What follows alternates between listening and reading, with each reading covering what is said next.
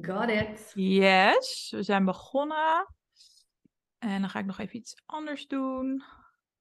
Yes, alright, lieve luisteraars, welkom bij de Dieneke Mulder podcast. Deze aflevering is weer onderdeel van mijn serie Positief over negatieve shit, waarin ik vrouwen interview die een lastige, moeilijke of negatieve ervaring hebben meegemaakt rondom hun bevalling uh, of het prille moederschap.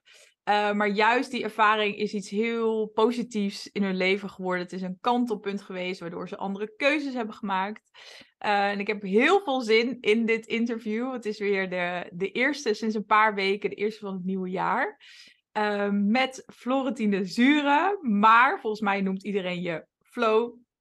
Ja, klopt. En wat ik ook heel leuk vind, is dat wij elkaar kennen, maar we hebben elkaar best wel lang niet gesproken. We hebben vroeger, volgens mij is het precies tien jaar geleden, samen... Ja, zoiets hè? Ja, oh. stage gelopen. Ja. Um, bij, um, ja, bij een heel commercieel bedrijf. Inmiddels zijn we allebei iets heel anders gaan doen, maar ik ben gewoon... Ja, heel erg benieuwd naar jouw verhaal. Je bent inmiddels ondernemer, je bent moeder van twee kinderen partner. Ik zat me net nog af te vragen, ben je getrouwd? Dat weet ik Ja, niet. ik ben getrouwd. Ja. Je bent ook ja. nog vrouw. De vrouw van. Ja. De vrouw van. Um, dus ja, laten we lekker gaan beginnen. En misschien kun jij um, ook iets over jezelf uh, vertellen en hier een aanvulling op geven. Ja, superleuk. Dankjewel sowieso voor, uh, voor je uitnodiging in de podcast. Superleuk om elkaar um, op deze manier te spreken. Ja. We zeiden net al, we gaan na de, na de podcast nog even verder met het uh, persoonlijke bijkletsen. Ja. Um, maar uh, ja, inderdaad, mijn naam is Florentine Zure en ik um, heb, net als jij geloof ik, een burn-out gehad, toch? Ja, ja. ja klopt. Dat heb ik ook eens in Voor mij is het al wat acht jaar geleden inmiddels. En ik heb wel echt een hele heftige burn-out gehad. Dus ik ben er wel ja, bijna drie jaar zeg maar, mee uh, onder de pannen geweest.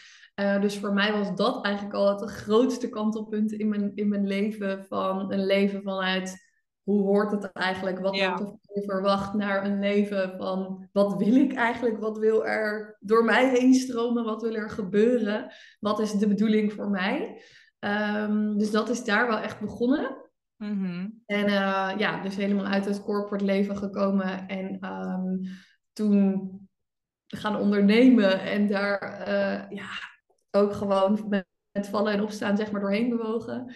Uh, en inmiddels um, ja, heb ik eerst een ander bedrijf gehad, Burnout Buddies. En nu mijn eigen bedrijf.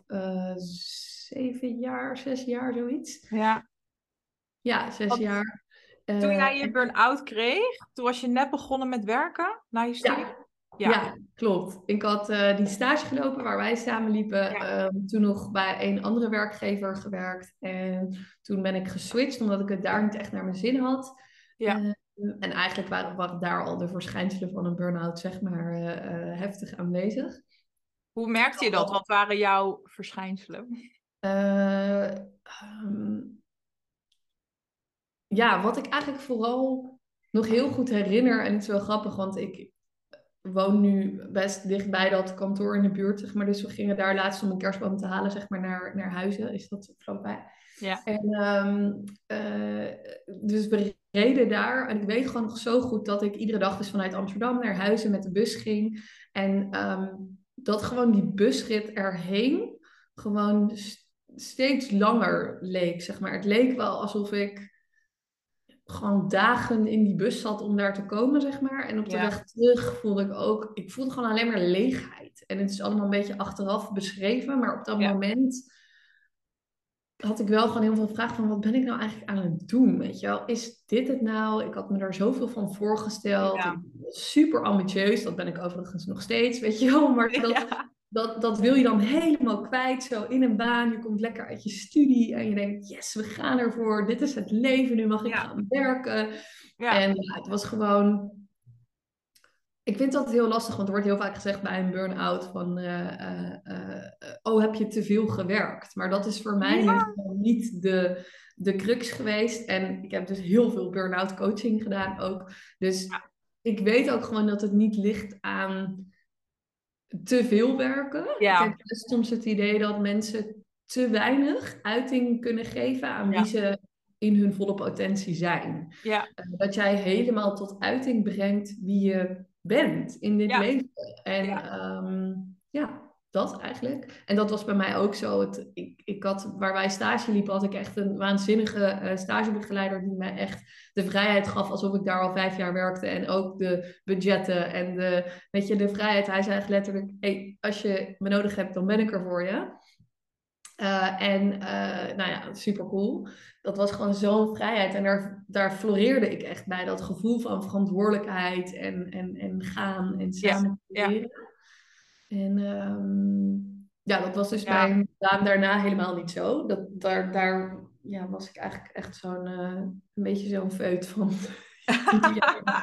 een stagiair, weet je wel. Van, oh, anders kan je wel even koffie halen. Dat ik echt dacht, koffie halen? Ik wil iets cools doen, weet je wel. Ja, ja, Laat mij... Ja, dus dat. Een soort uh, rennend paard die eigenlijk de hele tijd zo werd op de rem werd getrokken. Oh ja, ja, ja. Uh, Heel dus herkenbaar trouwens, ook wat je zegt over die burn-out. En zo heb ik het ook ervaren. Mijn uh, overtuiging van, voordat ik dus zelf een burn-out kreeg, ik heb hem in 2013 gekregen. Ook toen ik trouwens net aan het werk ging. Ja, net van de overgang van afstuderen mm. naar werk. En, um, en ik dacht ook altijd, je krijgt een burn-out als je veel te hard hebt gewerkt. Uh, ja. Totdat ik hem zelf kreeg en dat hele proces inging. En vooral de reis in mezelf ging maken.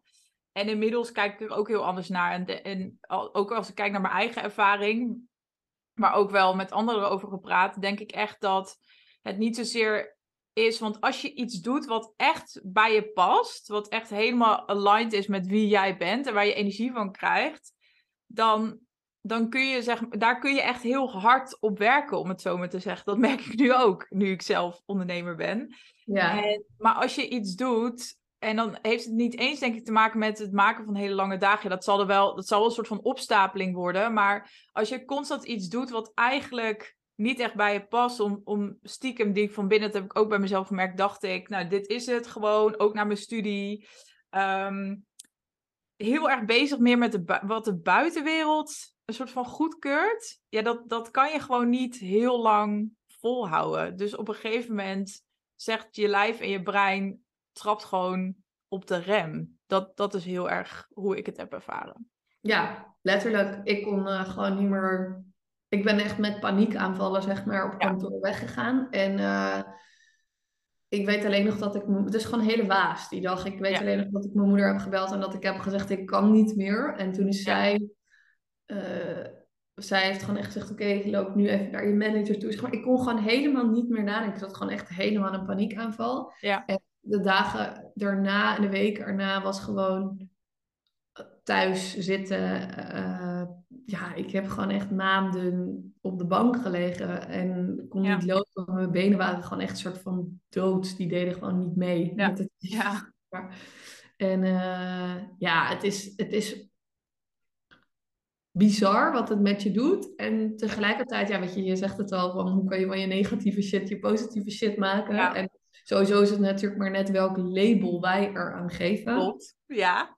Want ik zou sowieso mijn burn-out niet meer categoriseren als Ja. iets negatiefs. Ja. Ehm, Dat heb ik ook. Ja. ja, dus de- en ik, heb, ik geloof ook heel erg, zeg maar, ja, inmiddels eh, gebruik ik ook in mijn, in mijn coachingstechniek, zeg maar, eh, familiesystemen, familieopstellingen Ja. en systemisch werk. En daarin komt ook zo duidelijk naar voren, maar ik geloof ook dat, ja, dat we hier allemaal als ziel naar de aarde komen met een, een missie. Ja. En dat, dat je zeg maar de levensthema's die je in dit leven aan het uitspelen bent of aan het voluit aan het ervaren bent, dat je Ja. die altijd aan beide kanten van het spectrum helemaal ervaart. Ja. Ja. Dus gaat het erover dat jij eh, jouw innerlijke waarde moet voelen, ja, dan ga je heel veel overvloed ervaren, maar ga je ook schaarste ervaren. Ja. Ehm, Gaat het heel erg over jouw energie, dan gaat het over hoeveel kracht heb ik, maar ook hoe zwak ben ik eigenlijk. En dat zie ik bijvoorbeeld heel erg als mijn levenspatroon eh, rondom mijn burn-out. Van ik weet hoe krachtig ik ben, Ja. maar juist ook in die periode zo die zwakte hebben ervaren. En dat maakt Ja. mij nu, ja, weet je, je hoort nu veel het woord belichaming of Ja. Eh, wat ik ook heel mooi vind, geïntegreerd bewustzijn. Als je Ja. op die manier gaat kijken, dat je het van beide kanten van het spectrum Ja. meemaakt. Ja. Hey, en wat je zegt over kracht en uh, zwakte, dus die beide kanten van het spectrum. Hoe, wat heeft jou uiteindelijk geholpen, als we weer verder terugstappen in jouw verhaal, wat heeft jou uiteindelijk weer geholpen om dus die kracht ja, terug te vinden? Zeg maar, hoe ging het uh, verder toen je midden hmm. in die burn-out zat? Nou, ik moet wel lachen altijd als ik een beetje terugkijk naar mezelf in die fase, omdat ik echt een soort um, persoonlijke ontwikkelingsjunkie werd. Eigenlijk. Ja. en een soort ja. uh, spiritual junkie, zeg maar. Ik wilde echt alles proberen, want op een gegeven moment, ik was, na zes maanden was er bij mij gewoon echt nog geen verschil. En ik voelde zoveel in mijn lijf van, maar het is gewoon niet goed, weet je. Dus ik ben naar het ziekenhuis gegaan. En uh, nou, ik ging met mijn moeder daarheen en ze hadden zo'n onderzoek gedaan, weet je, van, uh, uh, van je darmonderzoek en je interne organen, zeg maar. En daar kwam gewoon uit, die man zei ook zo super blij van, er is niks, nou, je bent helemaal er is niks. En ik was zo boos. Ik was zo boos en verdrietig en teleurgesteld. Want ik dacht, er is niks, maar ik voel dit ja. allemaal, zeg maar. En dat is denk ik de, ja, gewoon de key is gewoon voelen. Voelen, alles weer gaan voelen wat je voelt. Ja. Ehm, en dat is ja heel oncomfortabel vaak, maar ook zo helend. En um, ja, dat heeft mij echt er geleid, naartoe geleid dat ik nu zo'n sterke intuïtie heb dat ik die zo goed kan volgen. Me daar zo goed op kan afstemmen. Uh, ja, en dat zijn alleen maar prachtige tools, zeg maar, die ik ja. deel met ja, mijn omgeving, mijn klanten, maar ook hen leer om zelf te doen, weet je. Om, ja. het klinkt als een stom, maar om zelf te gebruiken. Gewoon het kennen van je lichaam als instrument. Uh, ja, dat is, ja. Dus dat uh, heeft mij heel veel gebracht. En nog steeds, ja. Ja, want uiteindelijk ben je, um, je bent niet meer loondienst gegaan. Je hebt heel veel geleerd over jezelf, kennis, tools. En die ben je met anderen gaan delen, want je bent toen je eigen bedrijf gestart. Ja, ja klopt. Ik uh, ben eerst, ik, ik zat in een traject met uh, vrouwelijke ondernemers. Um, omdat ik wel dacht, hey, ik wil wel meteen ook learn from the best. Dat is gewoon wel altijd mijn, mijn strategy. Dus ik kijk heel erg naar hey, wie leeft het leven ook daadwerkelijk wat ik wil leven. Weet je wel? Ook nu als ik kijk naar business coaches of weet ik veel. Ja. Die bijvoorbeeld geen kinderen hebben. Dan denk ik, ja, dat resoneert voor mij niet helemaal meer. meer. Ik heb dat eerder wel gehad. En hoe geweldig die dan ook zijn als mensen. Maar als ik dan hoor van, ja, dan ga je lekker tot tien uur in je eentje zitten journalen. En weet ik van, denk ik, ja, om tien uur, ik weet niet, maar dan hier de hele circus al voorbij geweest, weet je wel. Dus dat is een hele andere manier. Ja, kijk daarin altijd echt naar wie leidt het leven, wat ik ook echt zou willen leven, hoe wil ik me voelen en ervaren. Dus zodoende was ik ook ingestapt bij een uh, traject. En daar ontmoette ik een andere vrouw. En ik voelde heel sterk samen van, hé, hey, kunnen we dit samen doen? We waren op een gegeven moment iemand aan het coachen daar een beetje niet bewust coachen, maar dat gebeurde eigenlijk met z'n tweeën. Waren we iemand anders aan het coachen. En toen dachten we, oh, dit is eigenlijk echt cool. Dus toen zijn we Burnout Bodies begonnen. En um, ja, dat hebben we toen anderhalf jaar uh, heel intensief gedaan. Ja. Dus echt één op één coaching. We hadden een online programma gemaakt. En um, ook preventief, zeg maar, workshops gegeven bij bedrijven. Ja. en op een gegeven moment merkte ik gewoon van, hé, hey, ik ben zelf ook dat thema van burn-out, zeg maar, ontgroeid. Ik ben um, ja, I moved on, zeg maar. Dus dat was gewoon heel cool om te ervaren. Wel jammer dat we dat, dat we dat hoofdstuk gingen afsluiten met elkaar. Dat was wel heel tof. Ja. En toen eigenlijk uh, ja, voor mezelf uh, verder gegaan. En um, ja, sindsdien zeg ik heel vaak, ik doe eigenlijk alles wat ik leuk vind. wat doe je? En dan zeg ik, doe alles wat ik leuk vind. Uh, dat is ook echt zo, ja. Ja, Hey, en um, je noemde het net al een beetje van, ik, je ehm, volgt mensen die heel erg resoneren met hoe jouw leven nu is en hoe je in het leven staat. Inmiddels ben je moeder. Wanneer begon je voor het eerst na te denken over het moederschap? Nou, ik denk oprecht toen ik twee was of zo. ja? Je wist ja, ja, ja, ja, ja, Ik, uh, ik was ook altijd mijn zusje altijd al lekker aan het bemoederen, zeg maar. Dus ik, eh, ja, ik, ik, er is, ik heb dat ook op een gegeven moment tegen Thijs gezegd voordat wij kindjes kregen. Want ik, had, ik kwam uit die burn-out periode. Ja. Um, was gewoon best wel heftig. Weet je wel, qua financiën denk je dan ook, oké, hoe gaan we dit doen? Er komt straks een kind bij. Ja, Eh, ja. Hoe dan, weet je wel? En hij zei, oh, soms zou ik het zo chill vinden als ik gewoon, eh, weet ik veel, eh eh 10.000 euro per maand zou verdienen. En we hoeven geen, dat was wel echt een paar jaar geleden, want nu zijn die bedragen inmiddels veranderd, veranderd met, een, met een koophuis en zo.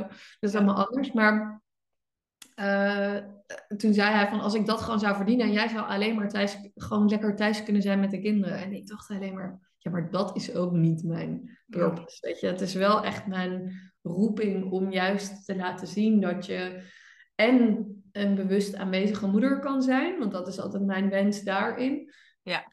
En een heel tof bedrijf kan neerzetten voor jezelf. Eh, waar jij gelukkig van wordt. En dat hoeft dus niet vijf dagen in de week of, of met 80 uur. Maar dat kan juist gewoon in een kleine tijd. Zodat je veel, veel tijd met je kinderen aanwezig kan zijn. Want Ja. dat is gewoon mijn Ja. wens. Maar Ja. toen zei ik al tegen hem van... Ja, maar ik weet gewoon dat hoe leuk ik mijn werk ook ga vinden, zeg maar. En ik voel... Het is altijd een balans, hoor. Dus als ik weer... Nu ben ik weer drie weken, zeg maar, heel veel moeder geweest, om het zo Ja. Dan heb ik echt weer dat verlangen om iets met mijn werk te doen. Of Ja. lekker met mezelf te zijn. Ja. Ehm, maar toen zei ik tegen hem van ja, er is niks wat mijn purpose zo gaat vervullen als het zijn van moeder. Dus dat voelde ik zo sterk al daarvoor. Ja, En ehm, nou, ik denk dat veel vrouwen het wel herkennen dat je, eh, dat je soms als vrouw daar wat eerder mee bent dan de man. Ik ken het ook wel andersom, maar vaak is het een vrouw. Dus Thijs moest een beetje aan het eh, idee wennen toen ik daarover over begon. Maar eigenlijk zijn we daar wel vrij snel eh, mee begonnen. Toen heb ik eerst een miskraam gehad. Mm. Ehm, dus ja, dat was toen. Maar eigenlijk was ik daarna weer heel snel eh, zwanger van Toon. Mijn zoon die Ja. dus nu drie is. ja. En dat was eigenlijk, of eigenlijk, dat was gewoon echt een droombevalling. Ja. Daar heb ik ook zelf een, een, een podcast over opgenomen. Dat was mijn eerste podcast drie jaar geleden. Nog steeds een van mijn meest beluisterde podcasts. Heel grappig, terwijl het niks heeft te maken met mijn business of wat ik, eh, Ja. eh, wat ik doe. Ik ga hem wel even delen in de show notes. Misschien is dat wel leuk ook voor Ja, vrouwen. dat is goed. Dat is goed. Het is, ehm, ik heb er namelijk ook van heel veel mensen gehoord dat het ook gewoon heel lekker is om, zeg maar, als je je gaat voorbereiden op je bevalling, dat je gewoon positieve Ja, bevalling klopt. Ja. wordt. Omdat heel veel zijn natuurlijk negatief en, of negatief, maar er wordt gewoon vaak, de, ja, ik weet niet, Ja. we zijn gewoon als mens, onze hersenen zijn geneigd om te, fo- te focussen op de negative. En Ja. ehm, ja, om dan gewoon ook die positieve verhalen te horen is gewoon heel lekker. Maar ik was gewoon in die fase echt zo heerlijk. Ik woonde in Amsterdam, mijn, mijn business ging goed. Eh, eh, ik was heel veel lekker aan het sporten. Dus ik heb echt tot nou, de week dat Toon zeg maar kwam, heb ik nog eh, drie keer per- per week in geyogaat, weet je wel. Dus ik was gewoon helemaal Ja, goed en alles. Zo Ja. lekker. Ik had een Want, cursus hypno... Wat zeg je? ja, want hoe heb je je verder voorbereid op die, ehm, op die bevalling? Nou ja, het was dus eh, wat we wel hebben meegemaakt, want dat was wel vrij intens, was dat we bij de 20 weken echo eh, te horen kregen dat Toon eh, geboren zou worden met een schisis. Mhm. En ehm, dat was super raar gegaan. Bij die echo was het, oh ja, ik denk dat ik iets zie. En toen werden wij soort van op donderdagavond om kwart over negen dat de praktijk uitgestuurd. En wij liepen echt zo op straat door de rivierenbuurt in Amsterdam. En een soort van, we keken elkaar aan en dachten, wat is er nou net gebeurd? En Ja, ja, jullie kunnen dan eh, langs in het ziekenhuis. En we dachten echt, hè, maar wat is dit nu? Wat betekent dit? Een soort van helemaal zo'n riedeltje. Ja. Eh, toen zeiden ze, nou, jullie kunnen na het weekend terecht in het ziekenhuis. Toen heb ik echt vrijdagochtend gebeld naar die verloskundige. Ik zei, ja, ik ga niet wachten tot na het weekend. Ik weet niet wat je gaat doen, maar je gaat maar even regelen dat ik Ja. gewoon morgen nog langs kan komen. ja, Eh, dus dat Wat kon goed. uiteindelijk gelukkig. Ja, maar ik dacht, ik, het was zeg maar, want die, die echoscopist was ook super warrig. Dus zij, kon, dus zij ging Ja. ook niks zeggen of niet ons begeleiden of zo. Dus we waren echt een beetje een soort van als in een paniekstand eigenlijk de deur uitgestuurd. Ja. Ik vind het wel heel, heel even over wat je hier zegt. Want ik heb het in mijn podcast heel veel over ruimte innemen. Dat is een van mijn grootste lessen geweest uit mijn bevalling. En ik Ja, denk dat dit een heel mooi voorbeeld is van ruimte innemen. Dat je dus luistert naar je gevoel van... ja, wij willen gewoon heel graag weten wat er aan de hand is... waar we aan toe zijn. En dan aan wat heel veel mensen denk ik doen... dat zou ik ook hebben gedaan, denk ik. Gewoon, oké, nou iemand vertelt mij dat ik moet wachten tot maandag... en dan ga ik dat doen.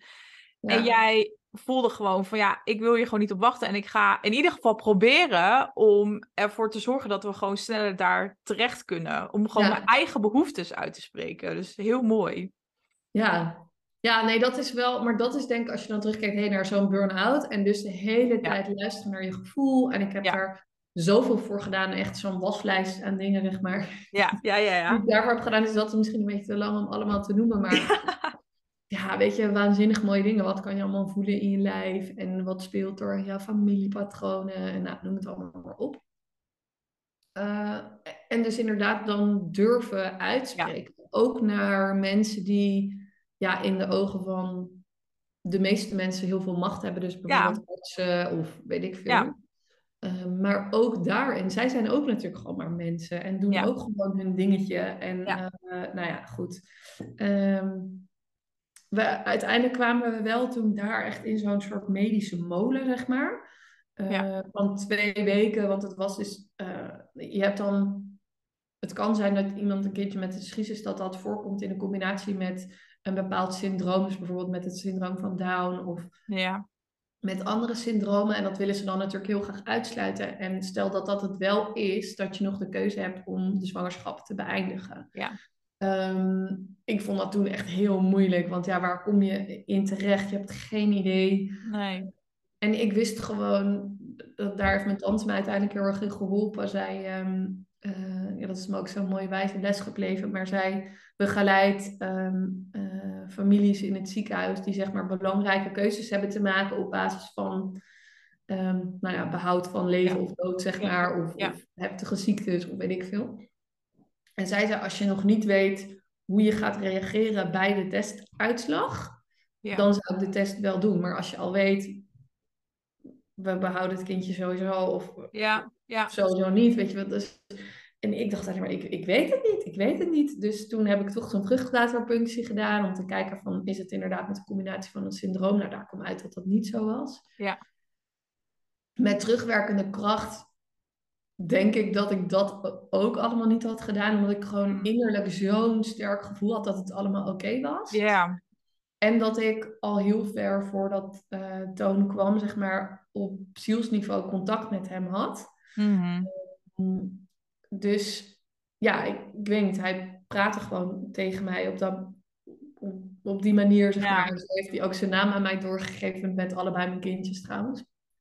Um, um, ja, dus, dus dat, dat had ik zeg maar al op die manier. Dus ik voelde ergens dat vertrouwen, maar toch kom je dan in zo'n medische molen, wat ja. je zegt, waarin ja. je denkt, oh oké, dan is dat dus hoe het gaat, weet je wel. Uh, dus toen zijn we echt in twee weken tijd, volgens mij zes keer of zo in het ziekenhuis geweest. Maar wat ik eigenlijk ook heel grappig vond, want Tony, we gingen dus het echo maken. En hij lag dus in mijn buik, maar hij lag dus de hele tijd zo. Dat dus meen keer, Ja, we zijn drie keer opnieuw geweest voor die echo. En dan zeiden ze, oké, nou ga anders even een rondje buiten lopen. Misschien gaat hij dan een beetje draaien of doe even dit of dat. En dan gingen ze een beetje op een buik duwen. En... Maar hij ging gewoon niet, hij ging gewoon niet draaien. Heeft dat ook een, een betekenis voor jou? Of hoe, ja, oh ja, ik wist gewoon, hij zegt van, mam, het maakt niet uit. Het kan ja. niet zijn, weet je wel. Het ja, gaat ja. goed. Dat hoorde ik de hele tijd alleen maar hem zeggen. Uh, maar ja, die mensen wilden weten van wat voor schisis is het. Want je hebt gewoon best wel vele gradaties. Ja. Um, en toen bleek uiteindelijk dat het zo klein was dat het waarschijnlijk alleen zijn lip was. Dat hebben 20% van de kindjes. Ja. Uh, uh, de anderen hebben ook een open kaak en open gehemelte. En dan heeft het veel meer impact voor drinken, praten, slikken, al, al, die dingen. Ja. Um, dus dat was bij ons eigenlijk niet. En ja, ik had gewoon heel, heel lang de wens, ik wil gewoon thuis bevallen. Uh, um, maar ja, toen ik dat daar zei in het ziekenhuis, dachten ze echt dat ik gek was. Toen Want toen reageerden ze daarop? Ja, uh, nou nee, uh, ja, nee, maar echt. En nou ja, ik weet niet of dat wel zo verantwoord is. En nou, zo ging het allemaal. Maar ik dacht alleen maar, oké, okay, hij heeft een open lip. Maar het is niet alsof hij open organen of bloeden. Ja. Of weet je wat, er is in principe niks medisch aan de hand, behalve cosmetisch eigenlijk. Ja. ja. Dus dat voelde ik gewoon heel sterk, dat ik dacht, ja, en alsnog wonen we echt drie, of, drie kwartier, kwartier vanaf de VU en ja. uh, van het AMC. Dus ik dacht, ja, we wonen zo dichtbij, als er iets is, dan Dan en ben je zo. verloopt anders dan ik verwacht, dan, dan gaan we gewoon eh, alsnog naar het ziekenhuis. Ja. Dus eh, en dat zij ehm, dat mm, eigenlijk dat ze, dat ze dat niet zo'n goed idee vonden. Eh, deed dat iets met jou? Hoe vond je het om daarmee om te gaan? Dus dat andere mensen jou eigenlijk iets heel anders voor jou wilden dan jijzelf. Ja, nou, ik moest wel echt, eh grappig dat je dat vraagt, want ik moest ook wel echt van tevoren, we gingen dan dat, ehm, ja, dan gaan we dan even, dan kan je komen en dan gaan we dan de bevalling bespreken, weet je wel. Ja, Dus ik ging daarheen en ik dacht, ja, ik ga natuurlijk nu echt zo'n bommetje droppen. Dat zij Ja. gewoon niet chill vinden. En ik had het natuurlijk wel met Thijs over gehad. En hij zei van, ja, ik vind het ook wel spannend. Maar als jij gewoon dat echt voelt en eh, we bereiden ons goed voor. En de verloskundige weet ervan, nou, bla bla. Eh, dan, weet je, dan vind ik het oké. En dan is het ook jouw keuze. Dus ik zei, ja, ik voel dat gewoon echt. Ik wil dat gewoon per se doen. En ja. Ja. maar ik was gewoon zoveel in vertrouwen. En ik dacht ook alleen maar... Ik word ook altijd een beetje soms rebels van zulke dingen. Dat een beetje eh, schoppen tegen de gevestigde orde vind ik soms wel leuk. Ja, ja, ja. Want het voelde dus Eh. echt al, als een droppen van een bommetje. Ja, ja, zeker wel. Omdat ik wist dat zij... En dat had mijn tante ook met mij gedeeld in zo'n proces ook. Zij zijn natuurlijk echt bezig met het vermijden van Van risico. risico's, ja, precies. Wat heel begrijpelijk is in zo'n situatie en waar ook veel mensen op dat moment heel veel baat bij hebben. Alleen Ja. ik voelde gewoon nadat bleek dat het alleen die lip was, dat ik gewoon heel veel vertrouwen voelde. En Ja. toen mijn verloskundige ook had gezegd van als een kindje de eerste 24 uur niet drinkt, is het oké. Dus ik dacht, oké, als hij niet gaat drinken de eerste uren, dan kunnen we altijd dan alsnog naar het ziekenhuis en dat ze ons daarbij helpen of zo, weet je wel. Ja, ja. Ehm, dus ja, ik had gewoon alleen maar vertrouwen eigenlijk. En dat Ja. is ook, vond ik ook leuk om eh, ja, met jou te delen in deze podcast. En toen we ook het erover hadden van, van- omdat ik zo heb ervaren dat ik inmiddels twee bevallingen heb er, eh, Ja. gehad. Ik zal straks nog even over die ander delen. Ja, ja, zeker, ja. Dat het zo, dat iedere bevalling en ieder kind je zo'n andere les en andere, ehm, ja, Ja. andere, andere les komt brengen en Ja. leren. En met de geboorte van Toon was het gewoon echt, ehm, je kan gewoon, dat was wat ik erbij voelde van, je kan gewoon alles manifesteren en creëren zoals je wil dat het gaat zijn. En Ja. het heeft mij zo ontzettend bekrachtigd in mijn Ehm, ja, ik vind het, het woord manifesteren altijd een beetje lastig, alsof het iets is wat je erg kan Wat je op bestelling kan. oproepen Ja. of weet ik veel. Maar het is voor mij gewoon letterlijk eigenlijk... Ik hoorde laatst ook zo'n mooie podcast eh, van eh, eh, Jessica de Kam en eh Veri. En Hm, zij ja. deelde daarin eh, ehm, over dat eigenlijk de vrouw zo'n bron van creatiekracht is. Omdat alles, letterlijk wat op deze wereld is gecreëerd door mensen, is ooit uit een baarmoeder gekomen. Ja. Eh, eh, ja, gewoon de mannen zijn ook uit een baarmoeder gekomen, zeg maar. Dus ook daar weer alles, weet je. Dat is zo... Dus manifesteren zien we vaak als iets buiten onszelf, wat we Ja. met het universum doen of zo. Ja. Eh, maar het gaat door ons lijf heen. En dat Ja. heb ik daar gewoon zo gevoeld. Ja. Ehm, ja, en, en wat ik ook gewoon vaak hoor is van alsof je iets manifesteert als het heel positief is. Van, oh, maar ik heb dit gemanifesteerd, dus dat is gelukt. Maar je manifesteert ook de shitty things. in Ja. Dus het, is, ehm, het werkt niet opportunistisch zo van, oh, nu wel en nu niet, weet je. Ja. Het Ja, precies. Ja, dit was ook echt, toen ik dit doorkreeg, dit was zo'n eye-opener.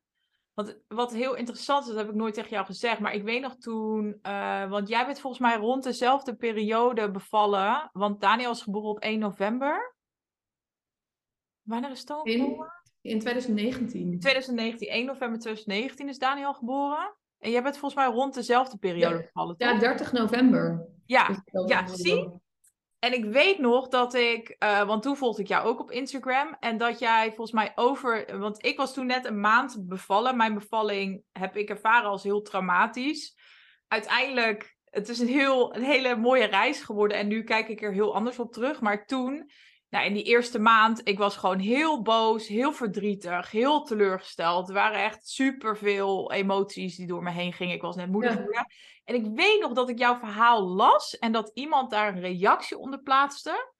Ehm, nu begrijp ik hem helemaal, maar toen begreep ik hem echt niet. Want iemand plaatste volgens mij een reactie eronder van... iets van, eh, zie je wel, het is geen pech of geluk om, of het, het, het- je hoeft geen pech of geluk te hebben om een fijne bevalling te hebben. Iets, ik weet het niet meer Ja, ja, exact, ja. maar dat triggerde mij zo Ja, erg. Snap ik. Oh Want ja. ik dacht echt, want toen ik die, die eerste week na de Fuck bevalling, off. dacht ik alleen maar van, ik heb, zo, ik heb zoveel pech gehad. eh, Mm, eh, ik voelde me heel erg alsof het mij was overkomen, alsof iemand mij iets had afgenomen. Ik was vooral heel eh, boos en daar kan ik nu, ehm, snap ik het ook helemaal. En, en het- je gaat echt een soort van fases door in dat proces. Maar ik weet dat, dat dat me zo triggerde, terwijl nu kijk ik, kan ik daar heel anders naar kijken. Want ik zie ook heel erg in mijn eigen ervaring, dus als je het hebt over manifesteren, dat wist ik ook niet in het begin, toen ik in aanraking kwam, überhaupt met de wet van aantrekkingskracht. Ik dacht dat het alleen maar over positieve dingen ging. Ja. Maar toen begon ik steeds meer te zien, je, je manifesteert. En het lastige is, als je dit uitspreekt, dan denken mensen heel snel van, ja, bedoel je nou dat het, dat het mijn schuld is? Dat je, dus dat je ook, eh, en dat, in mijn ogen is dat iets totaal anders. Maar ik denk dat je ook zeker, ik zie nu echt met hoe ik toen in het leven stond, dat ik eh, eigenlijk onbewust mijn bevalling heb gemanifesteerd. Dat ik heb aangetrokken eigenlijk wat er op mijn pad is gekomen. En dat, en dat klinkt echt, ja, dat, dat klinkt bijna heel hard als ik dat zo uitspreek. Maar dat, ehm, ik, inmiddels kan ik dat als iets heel moois zien, bijna. Mhm. Omdat, het, omdat ik het zie als een soort van ehm, les die op mijn pad is gekomen. Ehm, maar ik weet, oh, ik weet dat was zo goed. Dat was echt een paar van die dingen die je dan onthoudt in die periode. Dat die reactie. En sowieso is het dan heel lastig hè, om dan een paar weken daarna echt een, een Tuurlijk. verhaal van iemand te lezen. Iemand die echt een droombevalling heeft gehad. En toen zag ik die reactie en, ik was echt zo helemaal getriggerd. maar ja, Ja, dat is ook ja. interessant als iets je triggert. Dan, dat zegt natuurlijk heel veel over Ja, iets. ja. Ja, maar het is ook, het is ook, ja, je zegt gewoon hele mooie dingen. Want voor mij zit het hem echt in, in het leven überhaupt. Om de Ja. bereidheid, en ik hou echt van dat woord, de bereidheid om op deze manier naar het leven te Ja. kijken. En er zit Ja. een gevaar in, hé, hey, jij krijgt deze ziekte, want jij moet daar iets van leren. Dat kan je niet zeggen, snap Nee. je? Nee, Maar als jij in deze, op deze manier naar het leven wil kijken, dan kan en mag je de dingen die op jouw pad komen als lessen zien. Ja. En sommige lessen zijn heel hard. eh, Ja. Want anders leer je ze blijkbaar niet, weet je. Lekker met je paniekaanvallen drie jaar thuis zitten. ja, Even, ja, ja. even hard gezegd. Maar uiteindelijk...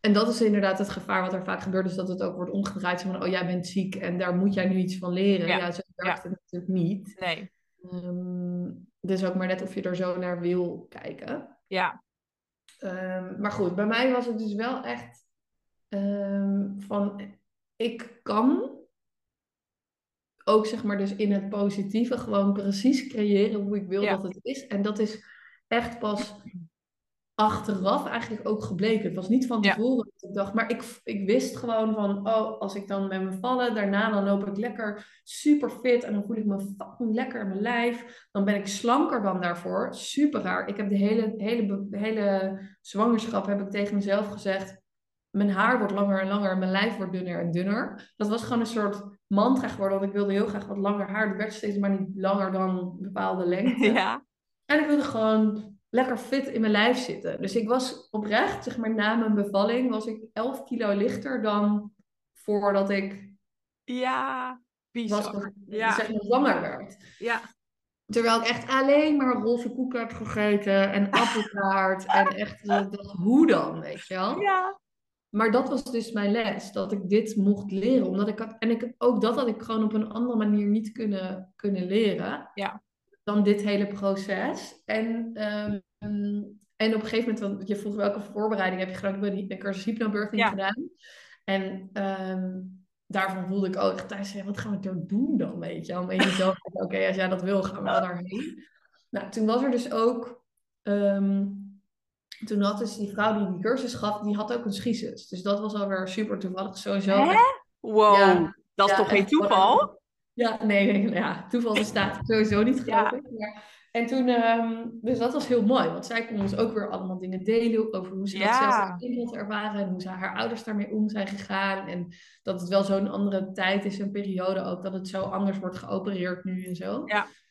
Eh, en ook in de eerste maanden dat Toon er was, dat we echt door winkels liepen en dat we dan de hele tijd mensen tegenkwamen met een schisis. En ja, het is gewoon heel grappig alsof je dat dan de hele tijd op je pad tegenkomt. Zo bijzonder. Leuke kindjes en die dat dan hebben, dat je denkt, oh, weet je, het is helemaal oké. Ja. ja.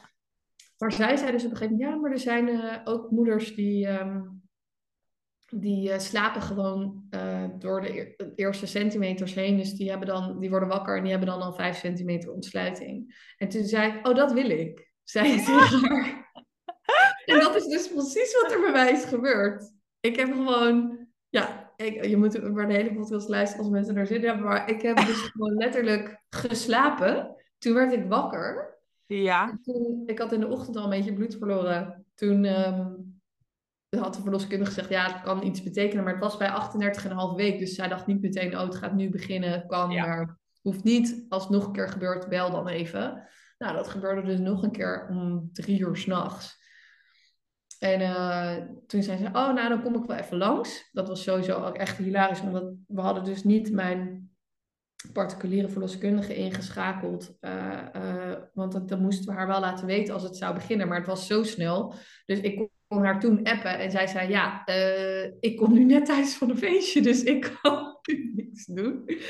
En dat was echt super grappig. Dus zij had een, een vervanger, zeg maar, gestuurd. Ja. En in de verloskundige praktijk, waar je ze dan zo alle vijf, weet je wel, van ziet een keer in je zwangerschap. Die hadden een teamuitje die avond. Dus ik had gewoon een heel B-team, zeg maar, een, nou niet B in kwaliteit, maar gewoon Ja, alternatief team van wat we eigenlijk al hadden bedacht. ja, En toen zei ze al, ja, ze zei, ja, je hebt al 5 centimeter ontsluiting. Dit gaat echt niet lang meer duren. Als je nog in bad wil bevallen, eh, dan moet je nu maar dat, thuis, dat bad gaan op, opzetten. Dus Thijs had dat gedaan. En eh, ja, het was gewoon, ik weet niet, ik kon zo goed ontspannen en tussen de Mhm. weeën door. En het was gewoon echt een magische ervaring. Het was gewoon zo mooi. Ehm, en precies dat is hetgeen wat ik dus bij mijn tweede be- bevalling niet heb ervaren.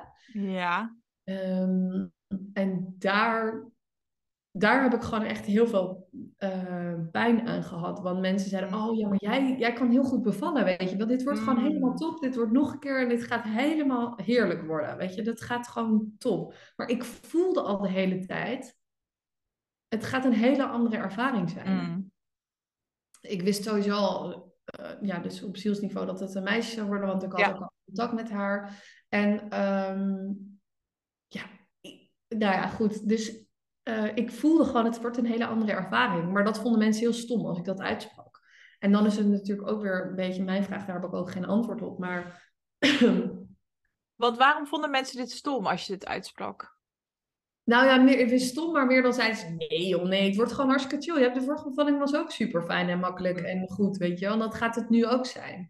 Ja, En ehm, nou ja, ik weet, dat is, dat is gewoon. En dan vaak zeggen mensen, maar bij de tweede gaat het toch veel makkelijker, weet je wel? ja, Bij mij zit hem heel erg verschil en daar heb ik het afgelopen jaar dus ook heel erg veel in geleerd en ervaren. Dat het voor mij totaal anders voelt om een zoon te krijgen dan een dochter als moeder. Mm. Ja, Dat je geeft jouw eigen vrouwenlijn door. Welke thema's zitten er in jouw vrouwenlijn? En dat geldt natuurlijk ook voor je mannenlijn.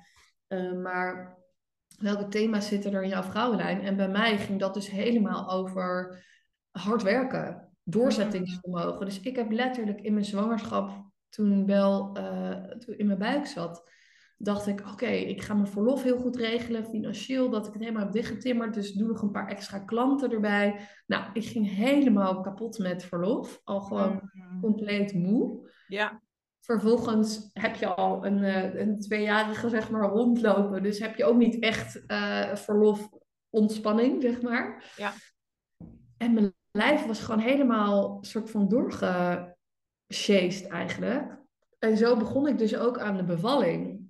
ja, Dus waar ik bij Toon helemaal lekker in mijn lijf zat en relaxed was. En ja, weet je, dus ik, ik, ik heb, het is altijd zo moeilijk inderdaad wat jij ook zegt. En dat zal je wel meerdere gesprekken horen. Van, kan je je voorbereiden op dingen? Maar er zijn bepaalde dingen van jouw bevalling die je niet Nee. eh, in handen hebt. Weet je, Nee. dat er ineens andere mensen aan je bed staan. Of eh, dat er wel eh, iets is met het kindje. Of een, Ja. een, een bepaalde complicatie. Je kan niet een soort van alles Je kan niet, ja, je hebt een bepaalde mate van regie, denk ik, maar je hebt niet overal controle Nee. over, inderdaad. Nee, maar het is wel lekker om te kijken waar kan je wel dat gevoel. En dan Ja. is controle al niet eens meer het goede woord, maar we- vertrouwen hebben. Ja. Dat is het gewoon. Het gevoel van vertrouwen wat je wel kan hebben. Ja, En daar was ik gewoon ergens een beetje verkrampt. Van, oh, maar het gaat niet zo zijn als de vorige keer. Ik voelde gewoon die, ja, gewoon letterlijk, ik Mhm. voel het ook nu weer in mijn lijf, zeg maar, gewoon ugh, de verkramping. ja, Ehm, en uiteindelijk is het, het uiterlijke vertoon van eh Bel, zijn, Bel haar bevalling was super mooi. Ze is hier thuis bevallen in bad. Uiteindelijk is ze eh, binnen twee uur, zeg maar, is ze... ehm, nee, nee, ik zeg het eigenlijk niet goed. Ik be- begon al twee dagen van tevoren, had ik een dag heel heftige weeën. Dus ik dacht echt, ja, de vorige keer was het echt joepie de poepie en hup door en dit is Ja. Dus ik dacht, het gaat nu beginnen.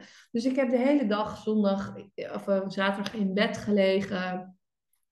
Echt zo er helemaal aan toegegeven, weet je wel. Nou, oké, oké, oké. Toen dacht ik, ja, ik weet niet. Maar als het zo lang duurt, dan ga ik wel gewoon weer een beetje dingen doen, weet je. Ja, ja, ja. Zondagnacht eh, eh, heb ik helemaal geen wee gehad. En toen dacht ik, ja, het zal nu toch wel snel beginnen. Dus toen ik Toon naar mijn ouders eh, gebracht. Toen maandag gebeurde er de hele dag niks. Dus ik dacht echt, nou ja, het zal nog wel niet zo zijn. Maar ik dacht, wat gebeurde? Zeg maar, ik had helemaal geen controle zoals Ja, ik dat de vorige ja. keer zeg maar wel. Ik was gewoon echt een beetje lost ja, ja, in het proces. En ehm, ik voelde heel veel onrust en verkramping eigenlijk. mhm, En dat, ehm, ja, ik weet niet. Het is gewoon wel echt mooi weer trouwens om er zo weer helemaal op terug te kijken. Daar heb ik ook wel veel gedaan. Maar ehm, dus aan de buiten, dat was ik aan het vertellen. Aan de buitenkant zag het er allemaal zo mooi uit en goed uit. Ja. Maar van binnen in de bevalling, want toen uiteindelijk heb ik Toon weer naar huis laten komen. Want Mhm. ik dacht, ja, ik weet niet wanneer het gaat gebeuren, maar dan wil ik liever dat hij bij mijn ouders is als, als het echt zover is. ja, En als hij erbij is, dan zal dat ook wel de bedoeling zijn. Dus toen, ehm, ja, toen is uiteindelijk eh, in de nacht, zeg maar, is eh Bel geboren. Ehm, maar dat ging dus ook echt in twee uur tijd een soort, ja, weeën. Ik weet niet eens of het een weeënstorm is, ik weet niet. Maar ik kon echt net de verloskundige bellen, zeg maar. En die was gekomen. het was echt helemaal aan. Ja, hebben ze gewoon heel snel hier dat bad opgezet. Maar kijk, aan de buitenkant leek het dus allemaal super mooi. Maar van binnen ging ik gewoon echt kapot van de pijn. Mhm, En ah, dat was gewoon zo.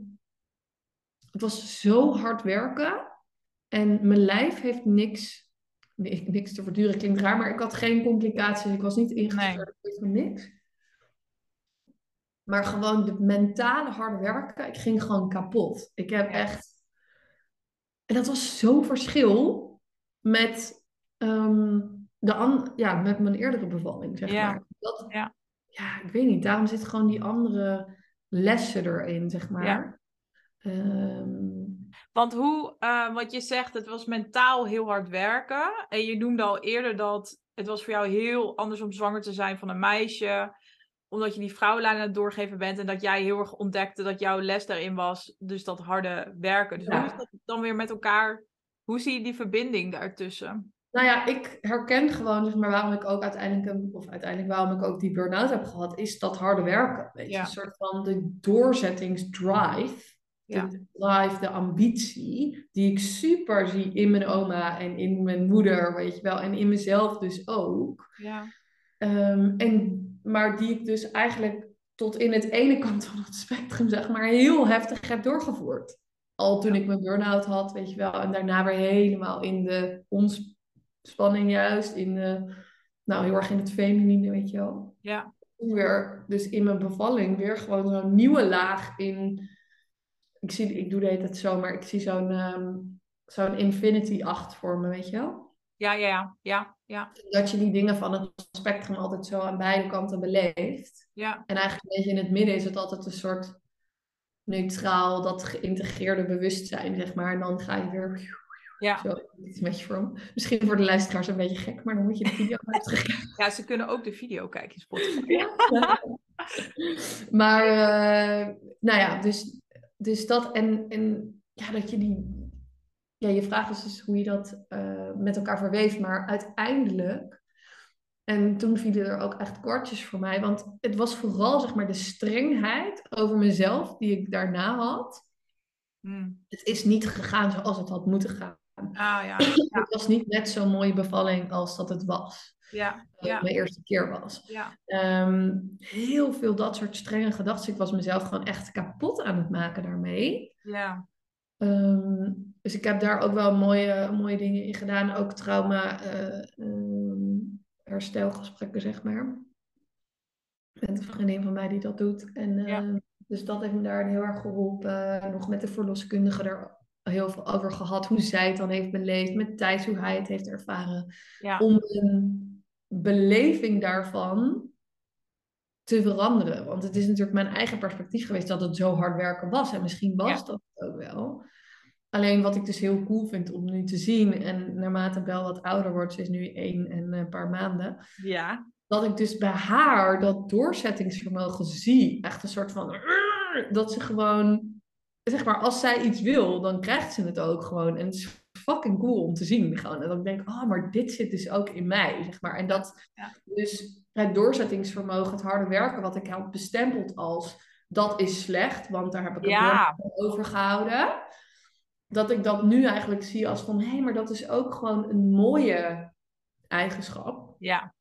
die, ja, waar je ook heel ver mee komt in het leven, weet Ja. je wel. Dat zegt natuurlijk heel vaak van de eigenschappen die mensen hebben die een burn-out hebben, dat zijn vaak hele waardevolle en mooie eigenschappen voor hun medemens, maar ook als werknemer en nou ja, dat.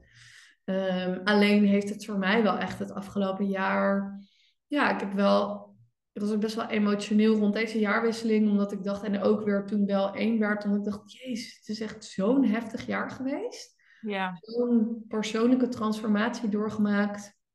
Ehm, en dat ging dan vooral over het, eh, het, het, me, het me goed genoeg voelen. Dat het goed is gegaan zoals het is gegaan. Dat het precies zo gaat als het de bedoeling is. Ja, ja. Eh, ja, dat is ook gewoon echt een zielsthema van mij, wat altijd komt. Ehm, ja, dat vind ik een mooie, ja. Het gaat gewoon precies zoals het de bedoeling is. Ja, altijd in het leven. Ja. Altijd. En dat Ja. kan je vaak alleen maar met terugwerkende kracht zien.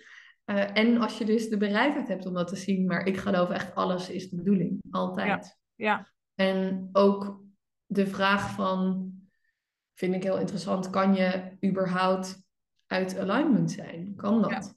Ja. Of ja. Of is het... Want alles hoort er toch bij. Je kan Ja. niet met terugwerkende kracht zeggen, nou dan had ik dat beter niet kunnen doen, want dan was Ja. het nu anders geweest. Nee, want Ja. dan was je niet geweest waar je nu was. Ja. Dus alles is gewoon altijd sums up to waar je nu bent. Ja.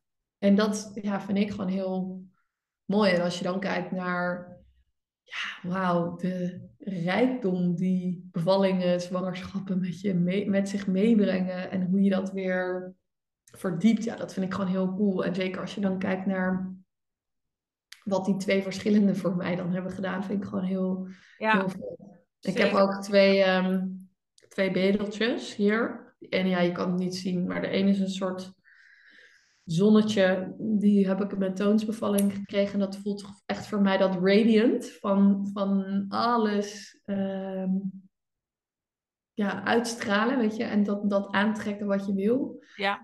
Want Bel is echt een boom waarvan ik voel van, oh, dat heeft zo mijn wortels nog veel dieper in de aarde ehm, verankerd. Mijn Ja. gronding, mijn kracht, mijn fundament is zoveel sterker, waardoor ik ook weer veel meer mijn takken kunnen uitreiken van de boom. Ja.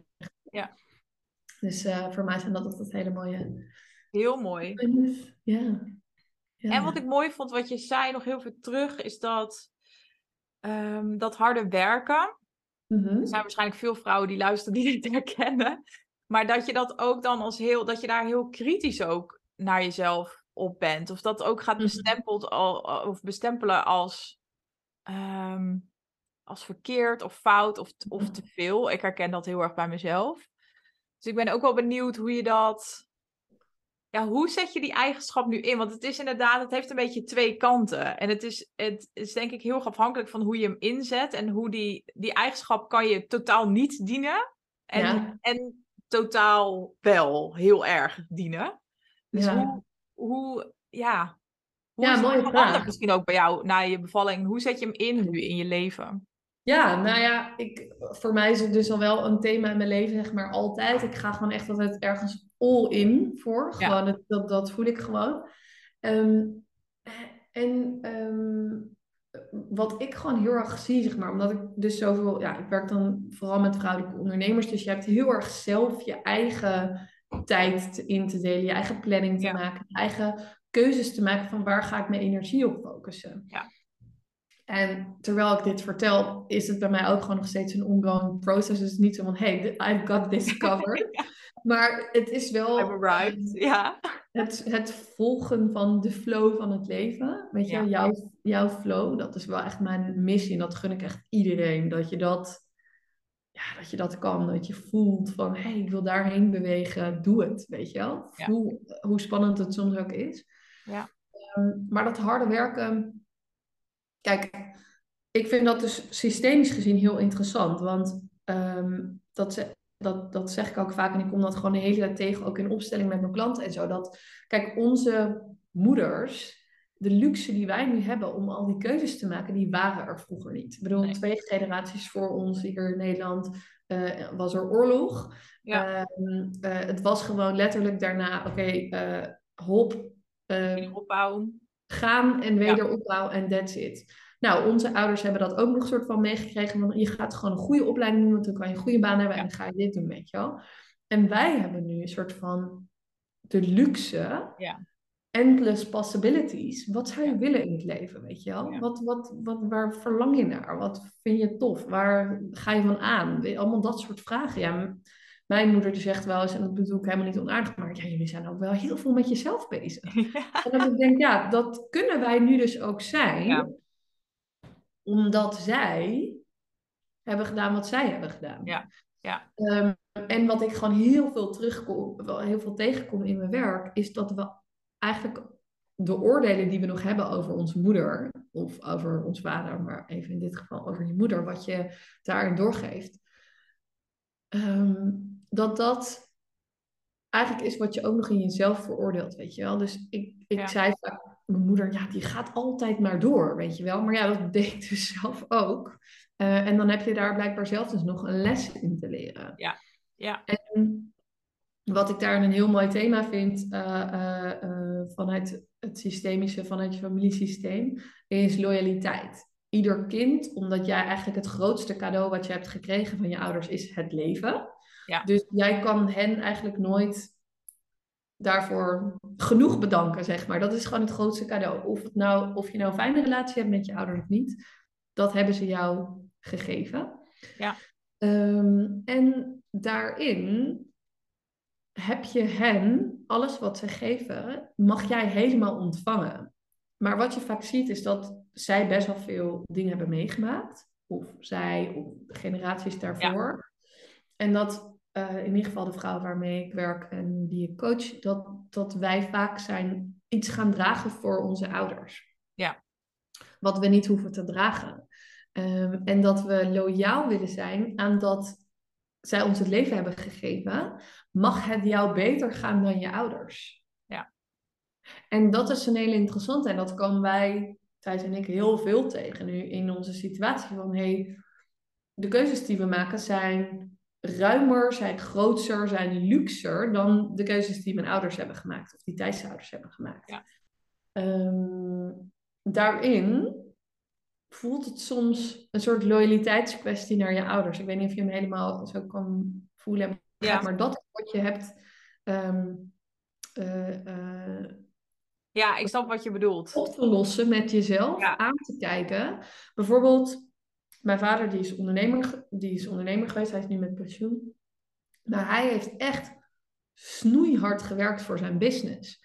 Als ik nu wil, dat ik een lekkere online business uh, uh, draai, waar ik ook gewoon lekker geld mee verdien, zeg maar, zonder dat ik daar actief de hele tijd dingen mee hoef te doen. Of het creëren van pas passief inkomen, weet je wel. Dat zijn allemaal dingen die hij niet heeft. Door daar, daarvoor wel te kiezen, voel ik me soms op onbewuste laag ja. niet loyaal aan hem. Dus je houdt jezelf soms als kind onbewust klein om je ouders niet voorbij te streven in succes, in overvloed, in liefde, in geluk. Omdat je die loyaliteit hebt aan, aan je ouders. Ja. Ja, en ik herken ook heel erg wat je zegt over, dat was ook echt mijn les van het afgelopen jaar. Ehm, dat je bepaalde, daar was ik me nooit bewust van, maar dat je bepaalde oordelen hebt, zeg maar, op je ouders. En dat die dan op onbewust niveau ook weer een rol spelen in hoe je je leven inricht en welke keuzes je maakt. Ik heb dus, um, nou even kijken, mijn halve leven vrijwel geen contact gehad met mijn moeder. Dus nou, meer dan 15 jaar.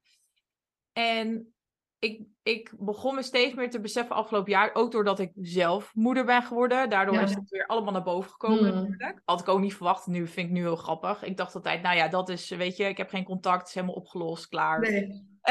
Terwijl ik nu denk, ja, hè, super logisch. Als je zelf moeder wordt, dat het natuurlijk allemaal weer naar boven komt.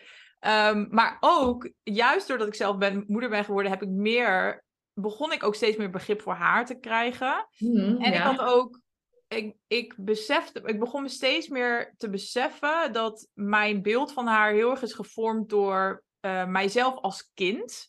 Dus dat dat heel zwart-wit is. En ik, heb, ik ben altijd heel veroordelend over haar geweest. Ik, ik vond haar gewoon. Ik zei altijd gewoon dat ze gewoon een super slechte moeder was. En ik was eigenlijk vooral gewoon heel boos en gekwetst, natuurlijk, hè, mijn ja. kind. En toen heb ik dit jaar besloten, ik ga weer met haar in gesprek. Niet zozeer om weer een, een relatie uh, op te bouwen. En daar ben ik ook heel open naar haar toe geweest. Maar puur om. Ik wilde haar gewoon meer begrijpen. Want ik heb in mijn puberteit wel, wel eens met haar gepraat. Maar dat was heel erg vanuit een kindpositie. En vooral vanuit boosheid en frustratie. en dat gesprek liep natuurlijk ook nou, ja, totaal op niks uit. Want uh, zij voelde zich natuurlijk uh, best wel aangevallen daardoor. Um, en nu wilde ik gewoon meer dat gesprek echt als twee volwassenen aangaan. En puur met het doel om haar beter te leren kennen. Waarom zij de dingen heeft gedaan zoals, zoals ze ze heeft gedaan. Hoe zij is geworden, wie ze is. En dus om meer begrip en empathie voor haar te krijgen. En wat eruit voortkwam. En ik heb nog maar één gesprek met haar gehad. En daar ga ik dit jaar mee verder. Ik heb het gewoon rustig aangedaan. Maar alleen al door het ene gesprek. Door meer begrip en empathie voor haar te krijgen uh, begon ik dus ook meer begrip en empathie voor mezelf te krijgen. Ja. Want ik, op onbewust niveau denk ik dat ik gewoon heel lang de dingen die ik in haar heb veroordeeld, ook veroordeel in mezelf. En daardoor altijd heel, ja, ook dat heel hard werken en heel kritisch en altijd over je eigen grenzen gaan, weet je wel. Dat is gewoon heel herkenbaar. En daar, ja, ik denk daar ben ik, ik zat er laatst over na te Ik ben dus nu een jaar heb ik, heb ik twee eigen bedrijven.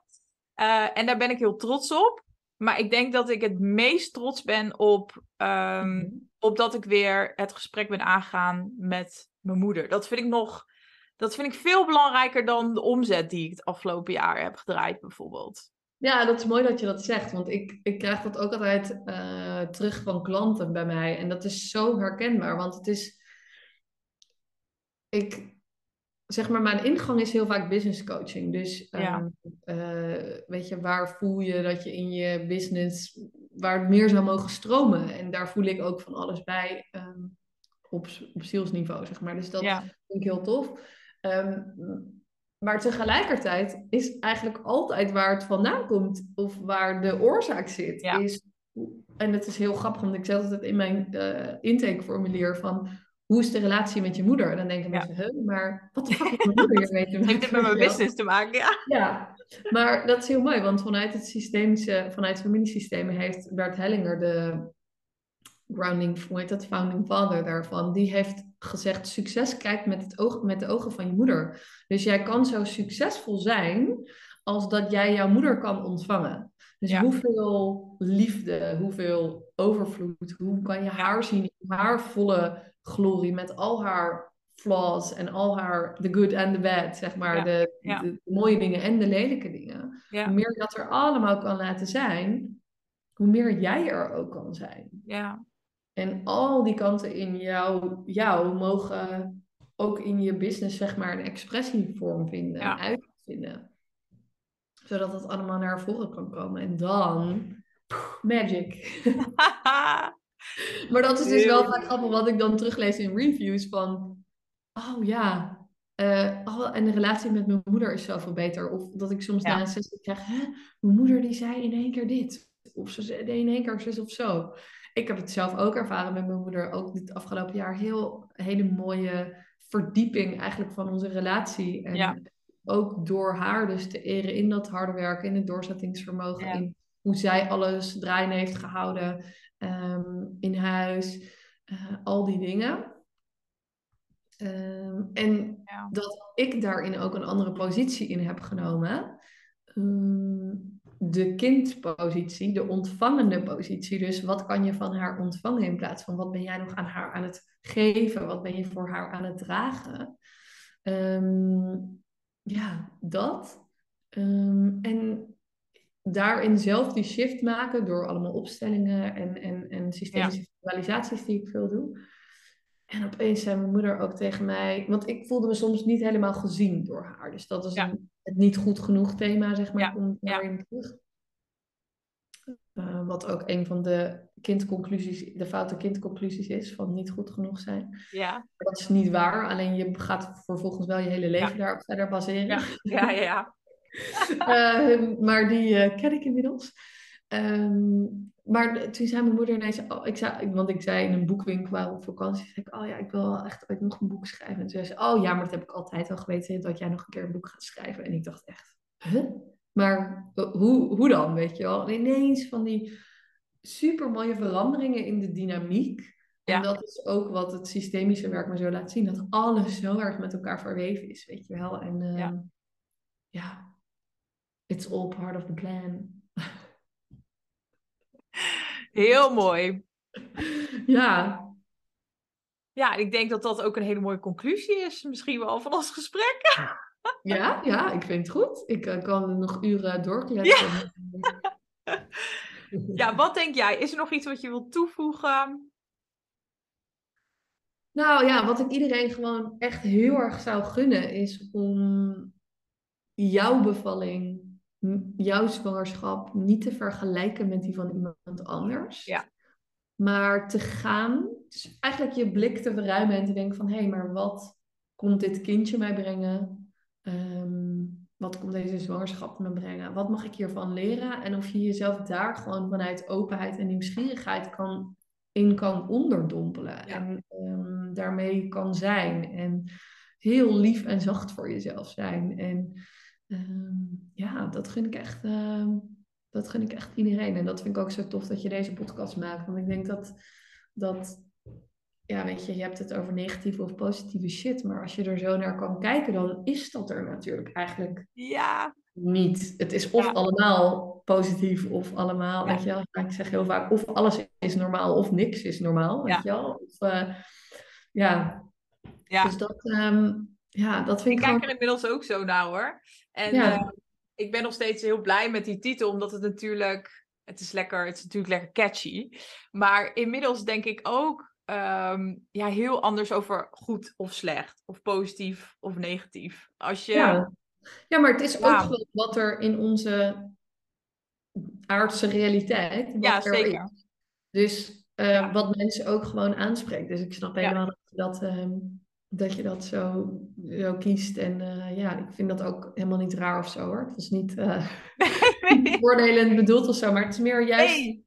Ja, weet je wel, het is ja, om het anders te zien. Ja, nee, maar ik vind het juist heel leuk dat je dat zegt. Omdat um, ook door die, die hele persoonlijke ontwikkelingsreis, zeg maar, na mijn bevalling, ben ik daar ook anders naar gaan kijken. Want ik bestempelde mijn ervaring al heel snel dus als, al, vooral als negatief, weet je wel. En, en ja. ik was Ik was heel boos. Ik gaf mezelf de schuld. Zorgpersoneel. En mijn lichaam had gefaald. Ik vond, Ja. dat, dat, ik vond heel erg dat, dat anderen... Dus dat de zorgverleners heel anders met mij om hadden moeten gaan en zo. Dus ik gaf er... Ik drukte er heel veel eh, stempels op. En, ehm, en ik denk nog steeds, dat is niet verkeerd natuurlijk. Ik denk dat, dus dat het ook weer onderdeel is van, van het proces waar je doorheen gaat. Maar Ja. inmiddels kan ik er... ehm, kan, kijk ik er heel anders naar, omdat ook bijvoorbeeld over het zorgpersoneel. Ik, ik heb daar ook veel meer, dus ook begrip voor mezelf, begrip empathie, maar ook Ja. dus voor de mensen die erbij waren, omdat, ehm, omdat ik nu ook denk van, ja, iedereen doet het vanuit, er is niemand die, die bij een bevalling aanwezig is en denkt, nou, nu ga ik eens even zorgen dat deze vrouw super traumatische ervaring krijgt Nee. iedereen doet het vanuit zijn of haar nou ja, beste intenties. Vanuit, ja, je, er wordt, je neemt ook als zorgverlener van alles mee, zeg maar, in, in die ervaring. En daardoor kon ik daar ja, veel, ik denk wat, wat neutraler of zo naar kijken. En, en lukt het me ook daardoor om dus los te komen van het schuldgevoel naar mezelf, maar ook naar anderen toe. Omdat, ehm, ja, ik denk de sleutel begrip en empathie is, maar ook dus door te kijken van, oh ja, waarom, als ik ervan uitga van het had gewoon zo moeten lopen, Ja. ja, dan, dan ga je heel anders naar dingen kijken. ja, want wat nou als zij precies de rol hebben vervuld Ja, zoals ze hem moesten vervullen of hebben Ja. vervuld, zodat jij kon erveren wat je kon ervaren. ja. Want Dit is dat echt precies. Dit is Ja. het. Dit is Ja, het. want ik zeg dit ook heel vaak tegen klanten. Kijk, ehm, ik, flow is ook altijd een woord van mij, weet je, dat alles lekker Ja. stroomt. Ja. Maar ik kan alleen maar teachen over flow als ik ook weet wat of flow is. Ja, Ik ja. kan alleen maar teachen over overvloed als ik ook schaarste ken. Ehm, dan heb je het namelijk over, weer over die infinity teken van Ja. dat achtje. Dan heb je het namelijk over meesterschap en geïntegreerd bewustzijn van dat thema. Jij kan nu alleen vrouwen hiermee helpen, omdat je deze shitty tussen aanhalingstekens ervaring hebt gehad. Ja. Als jij die droombevalling had gehad zoals ik, dan het is niet mijn purpose om hier met, mijn mens, met mijn droombevalling zeg maar allemaal mensen te helpen of Ja. zo. Terwijl ja, leuk dat die podcast er is en dat helpt vast heel veel mensen. Dat heb ik er wel, wel van meegekregen. Maar zoals jij daar bevlogen over bent, weet je, dat is dan jouw ding. En ja, ik weet gewoon iedere keer hoe ik zeg maar beweging creëer van, vanuit stagnatie, hoe ik weer flow creëer, hoe ik weer Ja. beweging creëer. Ja. Dat proces doorloop ik zelf keer op keer op keer. Dat is waarom ik het zo goed kan teachen aan mijn klanten. Waarom ik ze daar zo goed bij kan helpen. Ja. En, eh, en dat is natuurlijk wat jij nu ook doorleeft. Ja, precies. Iedereen die in jouw bevalling de rol heeft gespeeld in... eh, ja, precies toch? Ja, dit is echt, echt Ja. zo Maar waar. hoe, hoe kijk je dan zelf naar, een- naar een volgende eh, bevalling? Voelt die heel anders als je daarop afstemt? Ja, heel anders. Heel anders. Het is niet. ehm, Kijk, ik, ga er, ik heb er heel veel vertrouwen in. Ehm, en, en ik heb het ook wel eens over met mijn vriend van. Ik heb er heel veel vertrouwen in. Ook al, kijk, het liefst eindig ik nog steeds niet met een poe- spoedkeizersnede of allerlei medische complicaties. Maar ik heb, ook, ik heb gewoon veel meer vertrouwen in mezelf. Dat het, wat er ook gebeurt, dat het nog steeds een hele fijne ervaring kan zijn. Vind ik Ja. het spannend? Ja, ik vind het nog steeds spannend. Maar ik voel me veel meer. Ja, in control is dan niet het juiste woord. ja, gewoon vertrouwen en regie. Ja, Dat ik eh, dus voor mijn bevalling. ehm, ik heb heel veel inzicht gekregen in mijn eigen patronen door die bevalling. Dat is heel Mhm. mijn les geweest. Dus ik was achteraf gezien, ik had dat extreme bewijsdrang. Ik was echt een people pleaser. En dat is natuurlijk niet helemaal weg. Maar stapje voor stapje heb ik daar, is dat steeds, ben ik daar steeds meer los van gekomen. ja, Dus ik merk ook dat, dat ik ook veel meer vertrouwen heb in mijn ability om ruimte in te nemen. In mijn ability om mijn behoeftes aan te geven. En zo kijk ik ook dus nu naar een hopelijk toekomstige tweede bevalling. Ehm, dus daar, ja, ik kijk daar zo anders naar. Terwijl ik weet nog toen ik net was bevallen en dus nog helemaal erin zat. ehm, en dat ik echt zei, nou, ik moet volgende keer echt, want toen zat ik nog heel erg in mijn lichaam heeft gefaald. Mijn lichaam kon Ja. niet. En toen heb ik echt letterlijk tegen mijn vriend gezegd, nou, volgende keer dan ga ik gewoon sowieso in het ziekenhuis bevallen met een ruggenprik. En daar is niks mis mee, hè, als je dat wil. Maar het was een beetje vanuit de, de, ehm, vanuit de positie dat ik dat wilde. Ja, Daar kijk ik nu heel, heel anders naar. Terwijl nu heb ik gewoon, ik wilde de eerste keer thuis bevallen. En de tweede keer zou ik dat nog steeds heel graag willen. En als, het toch, als ik er toch zelf voor kies om toch in het ziekenhuis te bevallen, dan is dat ook oké. Ja, Ehm, ik merk dat, dat daarin is gewoon zoveel eh geshift, zeg maar. Dus, Mhm. En ook de vorige keer wilde ik mooi. helemaal geen hulp inschakelen. Terwijl nu, ik had het toevallig vorige week met een vriendin over, dat ik zei van nou, ik ga gewoon vragen of mijn stiefmoeder erbij wil zijn, mijn zusje. En toen zei zij, "Oh, ik zou er ook wel heel graag bij willen zijn. En toen, dacht, en toen dacht ik echt, ja, oh ja, dat lijkt me echt heel fijn als jij erbij wil zijn. Dus ook veel meer gewoon hulp accepteren en meer mensen toelaten. Ik ben Mhm. altijd heel gewend om dus alles in mijn eentje te doen. Dus die bewijsdrang en alles zelf en een beetje zo af te sluiten. Dus Ja, maar dat ja, is ook weer, ik zie daar dan meteen het patroon in, zeg maar, met je moeder. Van je hebt Ja. het ook heel stuk alleen gedaan. Dus, Ja. En dat is ook je comfortzone. Dus voor jou is het de uitdaging om die andere kant van dat cirkeltje te gaan pakken. Ja, Helemaal precies wat je zegt. Dat toelaten van hulp en ja, het helemaal lekker ontvangen. En ja. ja, mooi. En ik, Dat nog- cirkeltje, nog één ding, dat cirkeltje wat jij maakt, dat, dit is echt mijn takeaway van deze podcast. Ja, Want- mooi. Ja, Cool. ik vind dat echt een mooie, dat het er, dat het er allebei mag zijn. Want ik heb vaak de neiging, want inmiddels ben ik me heel bewust, dus, zeg maar, van die patronen, ook dat harde werken. Maar Mhm. ik heb snel, ik heb nog steeds dat ik mezelf daar een beetje op veroordeel. Dus dat ik heel snel iets heb van, dat Ja. moet gewoon helemaal weg. En ik vind het heel mooi wat jij zegt, het mag gewoon allebei zijn. Ja, ja, en ook in het, in het systemische, zeg maar, eh, in het familiesysteem, je hele, of je familiesysteem, maar ieder systeem wil compleet zijn. Dus Ja. hoe harder jij bijvoorbeeld het doorzettingsvermogen, zoals ik, eh, eh, eh, naar Ja. buiten aan het duwen ben, buiten je systeem, hoe harder het probeert soort van erin te beuken van, hallo, ik hoor er ook bij, ik hoor er ook bij. Dus als jij het gewoon ja, kan omarmen. Wat natuurlijk niet, ik zeg het nu alsof het easy peasy is, maar dat was ook mijn hele anderhalf jaar les van zwanger en Ja. het jaar daarna. Ja. Van, ma- mag dat er weer op een nieuwe laag ook zijn van jezelf? En ja, hoe, hoe, hoe, en dat er, hoe dieper je durft te gaan in die schaduwkanten, hoe lichter je ook kan zijn. Ja. Dat voel ik wel echt heel Ja. erg.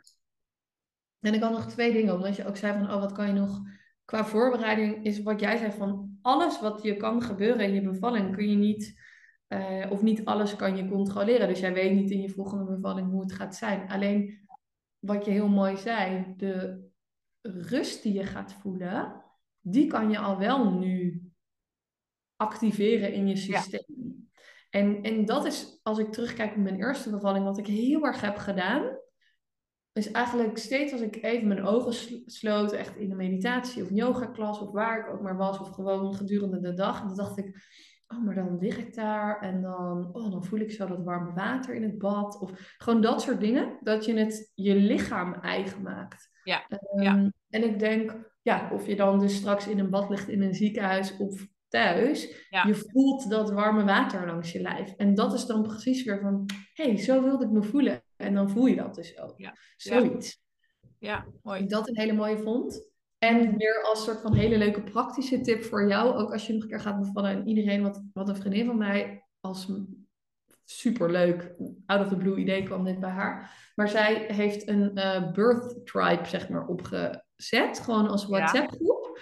Ehm, van, hey, jullie zijn de vrouwen bij wie ik me super fijn voel en waar ik alles kan delen tijdens mijn zwangerschap en daarna, en de bevalling. Eh, we hebben ook een keer met z'n allen afgesproken. En ehm, ja, dat, ik weet, en uiteindelijk hebben we nog zo'n mother blessing met haar gedaan. Ja, Maar het was gewoon heel fijn, want zij kon gewoon af en toe daarin even delen. Dus het was niet een mega actieve groep of zo, waar dagelijks iets gebeurde. Ja. Maar zij heeft daar zoveel aan gehad. dat Ik echt dacht, oh, als ik ooit nog een keer ga bevallen, dan ga ik dat ook doen. Dus dat vond ik echt Ja. een hele leuke tip van, oh, doe dat. Surround yourself met mensen die jou... ja, Ik Ja, dat echt een mooie tip. Ja, Want soms denk ik ook wel eens... Oké, nog één ding hierover. ik, inmiddels weet ik heel veel over de geschiedenis van geboorte geven. Omdat ik echt door deze ervaring echt een geboorte-nerd ben geworden.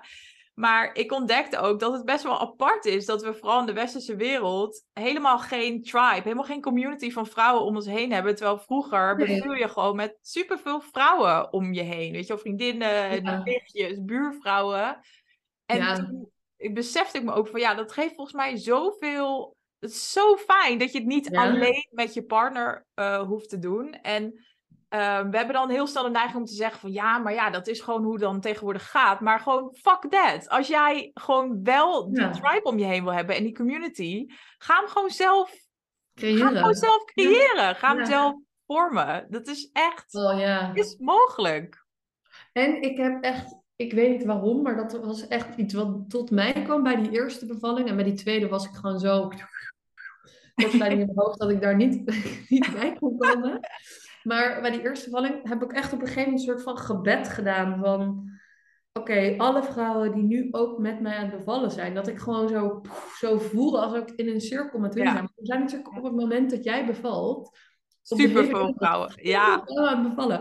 En alle vrouwen die voor me zijn bevallen, weet je wel, geef me alle Ja. kracht, zoiets. En ik voelde gewoon echt letterlijk maar, I got this. Ik voelde echt zo, wow, zo'n, zo'n, ik weet niet. Ja, heel vet. Dus dat, dat heel cool. Ja. Nice. Nou, nog even wat tips van ons. eh. ja, superleuk. Ja. Hey, ik wil met één vraag afsluiten. Ja. En eh, ik ga hem even anders formuleren in jouw woorden, want je zei net ook over in flow zijn en niet in alignment. Misschien een hele kleine tip voor de luisteraar. Hoe kom je in het dagelijks leven weer in je flow? Heb je daar manieren voor?